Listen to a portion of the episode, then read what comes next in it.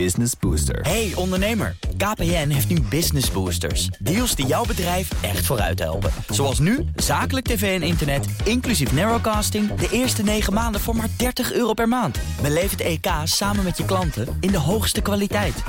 Kijk op kpn.com slash businessbooster. Business Booster. BNR Nieuwsradio. Boekenstein en de Wijk. Hugo Reitsma. Dit is een extra uitzending van Boekenstein en de Wijk... in verband met de oorlog in Oekraïne en de crisis met Rusland. Het is zaterdag, dag 213 van de invasie. En wij hebben weer zoveel vragen, jongens. Even kijken hoor. Ik had een vraag die ik eigenlijk niet helemaal begreep... maar jullie wel, en jullie moeten tenslotte het antwoord geven. Het kwam van Toon de Laaf. Eh, die eh, vraagt in hoeverre duiden de woorden van Poetin... ik ben gedwongen in zijn toespraak op dwang... vanuit bijvoorbeeld het Russische leger? Nou, we hebben even de Ja, dat staat er niet in. Dat staat er niet Ja. in. Zeg nee, het ik maar heb op. die tekst hier. Ja. Ja, ik heb de tekst hier en het is een, eh, een, een vertaling eh, die eh, te vinden is op de website van de president zelf. Hij heeft, eh, om precies te, zeg- eh, te zijn, gezegd dat hij het noodzakelijk vond om een voorstel van het ministerie van Defensie te ondersteunen in zaken gedeeltelijke mobilisatie.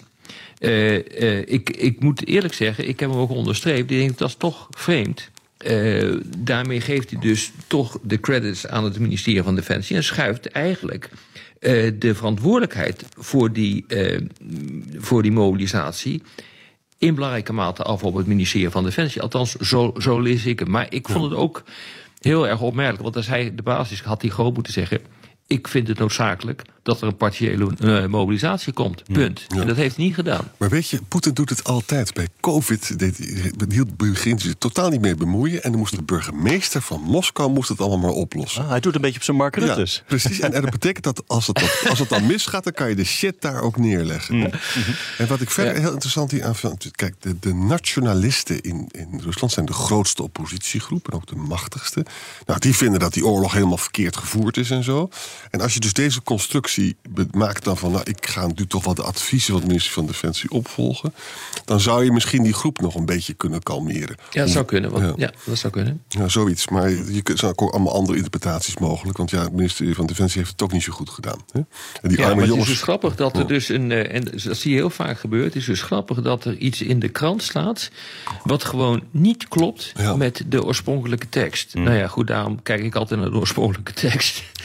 Dan worden vaak mensen ook heel erg boos als je zegt van ja, maar het, voor mij is het anders.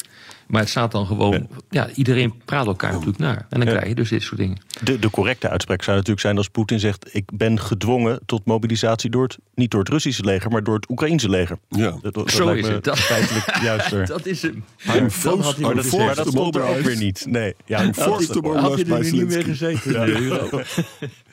Oké, hey, we hebben nog een vraag van Willem Harten. Even kijken, dat was aan jou gericht, Rob. Eh, wordt steeds gezegd dat Oekraïne zelf bepaalt of ze door blijven vechten... en of ze de Donbass moeten opgeven of niet. Dat klopt tot op zekere hoogte. Want het Westen kan toch Oekraïne onder druk zetten... door met de wapenleverantie kraan te spelen. Of in ieder geval daarmee te dreigen. Wie betaalt, die bepaalt is het toch. En de Donbass is toch geen kernoorlog waard? Nou ja, er zijn twee vragen. Maar even, hij heeft volledig gelijk. Maar ook als je dat weer zegt, eh, dan word je natuurlijk ook gekielhaald. Eh, want we moeten eh, Oekraïne tot in het oneindige blijven steunen. Nou, als je nu gaat kijken wat Borrell heeft gezegd, hè, de buitenlandbaas van de Europese Unie, die heeft gewoon letterlijk gezegd: Europa heeft niets meer aan de aanbieding. Wij kunnen militair feitelijk eh, eh, Oekraïne niet meer steunen. Dat kunnen de Amerikanen nog wel. Maar het Pentagon heeft al een waarschuwing afgegeven jongens, we kunnen hier niet eeuwig mee doorgaan. Ze, ze hebben honderden van die HIMARS nodig, van die meervoudige raketwerpers. Die zijn buitengewoon effectief, maar we gaan niet on- onze HIMARS naar eh, Oekraïne sturen. Dus ook daar zie je eh, dat, er, eh, dat er al een winstwaarschuwing eh, wordt eh, gegeven. En dat is natuurlijk logisch. En dat heeft te maken met de wijze waarop eh, de industrie werkt in eh, de Verenigde Staten, maar ook in Europa. Hè. Dus je, je maakt zeg maar in het jaar 2000 een hele batch eh, stingers, ik noem maar wat. Dan eh, doe je 20 jaar niks, dus je ontmantelt de productielijn en na 20 jaar maak je een nieuwe batch van een eh, verbeterd eh, exemplaar of een geheel nieuw exemplaar. En dan stopt het weer. En eh, dus je, je kunt niet makkelijk continu maar doorgaan. Want dat betekent dat je hele industriële basis moet, uh, moet veranderen. Dus ja, het klopt inderdaad uh, dat ook Biden op een gegeven moment tegen uh, um, Zelensky zal moeten zeggen van... sorry jongens, maar, maar we hebben niks meer, ga maar onderhandelen. Nou, dat is iets, als je dat zegt... Dat wordt met afschuw wordt, dat, uh, uh, wordt, wordt die boodschap uh, tot ons genomen. Ja. En dat is ook heel vervelend om dat te horen, maar dat is wel de realiteit. En de, de sleutel van of Zelensky door kan vechten en hoe lang, ligt in het Witte Huis. Niet in Europa, maar ligt in het Witte Huis. Die zal op een gegeven moment gaan bepalen. Ja, jongens, dit gaat te veel ten koste van onze eigen slagkracht. En dan krijg je een situatie waarin uh, uh, Biden achter de schermen gaat zeggen: Zelensky, ga eens even nadenken over een, over een vredesakkoord of over een staakt het vuren. Ja, twee, twee dingen. Biden heeft ja. een paar maanden geleden al de defensieindustrie bij elkaar geroepen. Van jongens, dit gaat exact. niet goed en jullie moeten het doen. Maar ja, Rob legt nou net uit dat dat duurt dus echt minstens twee jaar... Hè, voordat je weer wat op de plank hebt liggen. Dus dat is een groot probleem. Tweede opmerking is, de politieke dynamiek is hier ook belangrijk. Hè? Kijk, we krijgen straks het lenteoffensief. Stel je nou eens voor dat Oekraïne daar nog meer vorderingen maakt dan wordt de druk natuurlijk op het Westen. En, en Rob zegt terecht, Europa heeft gewoon bijna niks meer. Hè? En, en, en we zijn wel wat dingen aan het bestellen, panzerhouwitsers, maar het duurt twee jaar. Hè? Maar Amerika mm. heeft natuurlijk nog wel iets. Hè? Dat, het punt dat ik maar wil maken is... Als, als Oekraïne daar dus heel veel vorderingen weer maakt... dan is de druktekorrel enorm hoog op Amerika om toch nog iets te doen. Maar het is, het is niet oneindig. Dat is volstrekt duidelijk. Het is een heel spannende, spannende dynamiek die daar speelt. Mm. Zal ik, ja, ik kan er nog wel even uitzingen. Maar, maar, maar geen drie, vier, vijf jaar. Dat kan dus gewoon dat, dat kan echt niet. Nee, dat kan echt niet. Ja, dus je moet echt proberen om ergens... en dat, dat zie je dus ook continu in, uh, in, in, vanuit Kiev komen, uh, maar ook uh, vanuit Amerika. zo halverwege 2023 moet het grote offensief plaatsvinden. Dus mijn gevoel zegt dat, en ook als ik kijk hoe die wapenleveranties lopen, dat de Amerikanen zeggen van oké, okay, nog één keer een grote klap, hmm. nog één keer behoorlijk wat leveranties om er doorheen te komen, maar dan is het dat ook wel. Dan is het er echt erop of eronder. Ja. en de, de, hoe groot is dat pakket ook alweer, Arend-Jan? Is dat 53 miljard of zo? Zoiets, ja. Dat, dat laatste grote pakket, dat is een gigantisch pakket... en die wordt natuurlijk gewoon in tranches wordt die, uh, wordt die aangewend. Maar daarvan weet ik, uh, ook van mijn uh, collega's in de Verenigde Staten... er komt niet nog zo'n pakket. Dus dat is ook dat is oneindig. Het is compleet belachelijk ja, dat Amerika, dat Eindig, compleet belachelijk dat Amerika dat allemaal moet doen. En dat Europa gewoon veel minder geld er ook in stopt. Hè? Het is eigenlijk zo belachelijk als je erover nadenkt. Nou ja, sterker nog, uh, een, een, een land als Duitsland maar dat geldt eigenlijk ook voor Frankrijk. Realiseer dat alle grote donoren eh, eigenlijk bijna zijn stilgevallen ja. in de zomermaanden. Ja. Er gebeurde echt niks. Dat is echt zeer, eh, zeer opmerkelijk. Alleen Amerika ging door. En dan nog de noordelijke landen en de exact. Baltische staten. Alleen dat zijn zulke kleine landen. Het zijn druppels op de gloeiende plaat. Ja. Ik wilde nog even een vraag van Carlo erin gooien. Die zegt: waarom verzorgt het Westen geen serieuze informatieoorlog in Rusland? Als we voor miljarden aan wapens kunnen leveren, moet het er ook voor een paar miljoen wel een staatszender zijn te hacken. Er zijn genoeg gevluchte hm. Russen die aan het uh, uh, grote publiek hun verhaal willen vertellen. Carlo zelf die bouwde vroeger een amateurzender voor 100 euro, waarmee hij in de hele wijk Radio 1 kon wegdrukken. Dus zo moeilijk is het allemaal niet.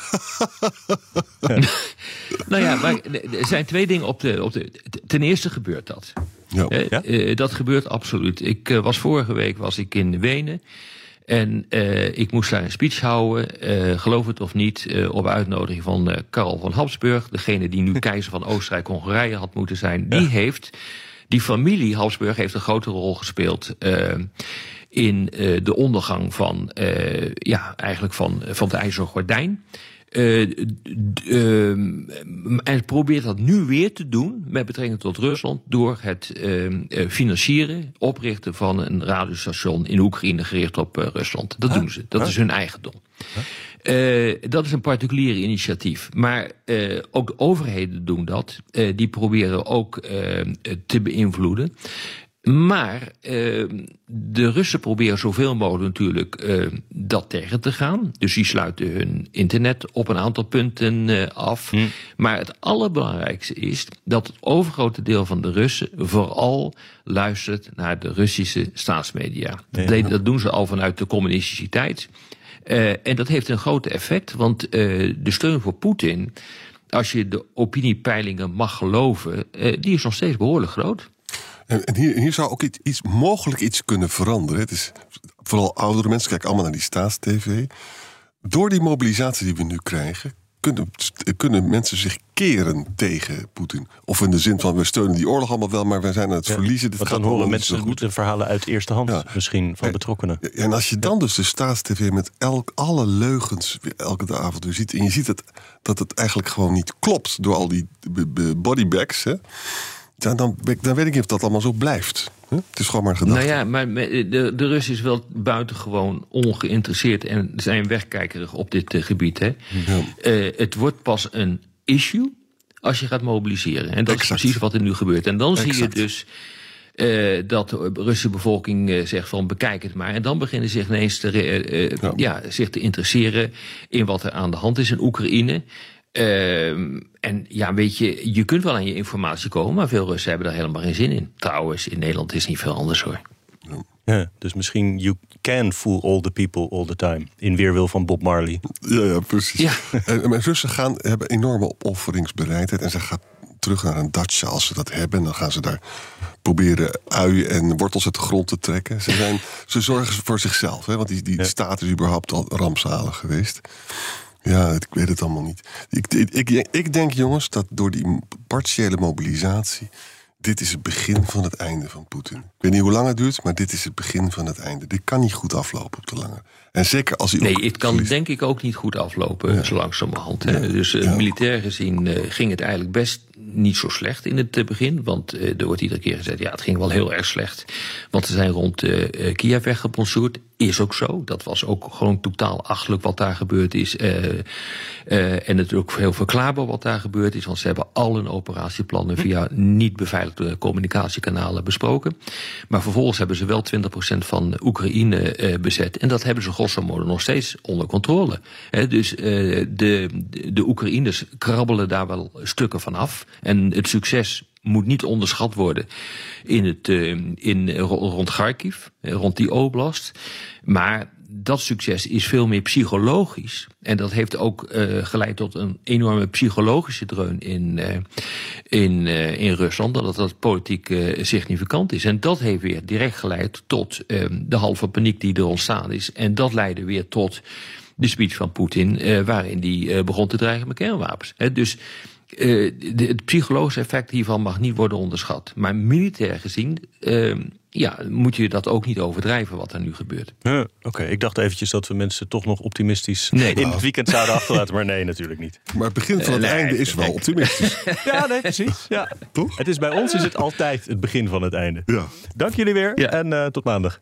Tot maandag, jongens. Tot maandag. Business Booster. Hey ondernemer, KPN heeft nu Business Boosters. Deals die jouw bedrijf echt vooruit helpen. Zoals nu, zakelijk tv en internet, inclusief narrowcasting... de eerste 9 maanden voor maar 30 euro per maand. Beleef het EK samen met je klanten in de hoogste kwaliteit. Kijk op kpn.com businessbooster. Business Booster.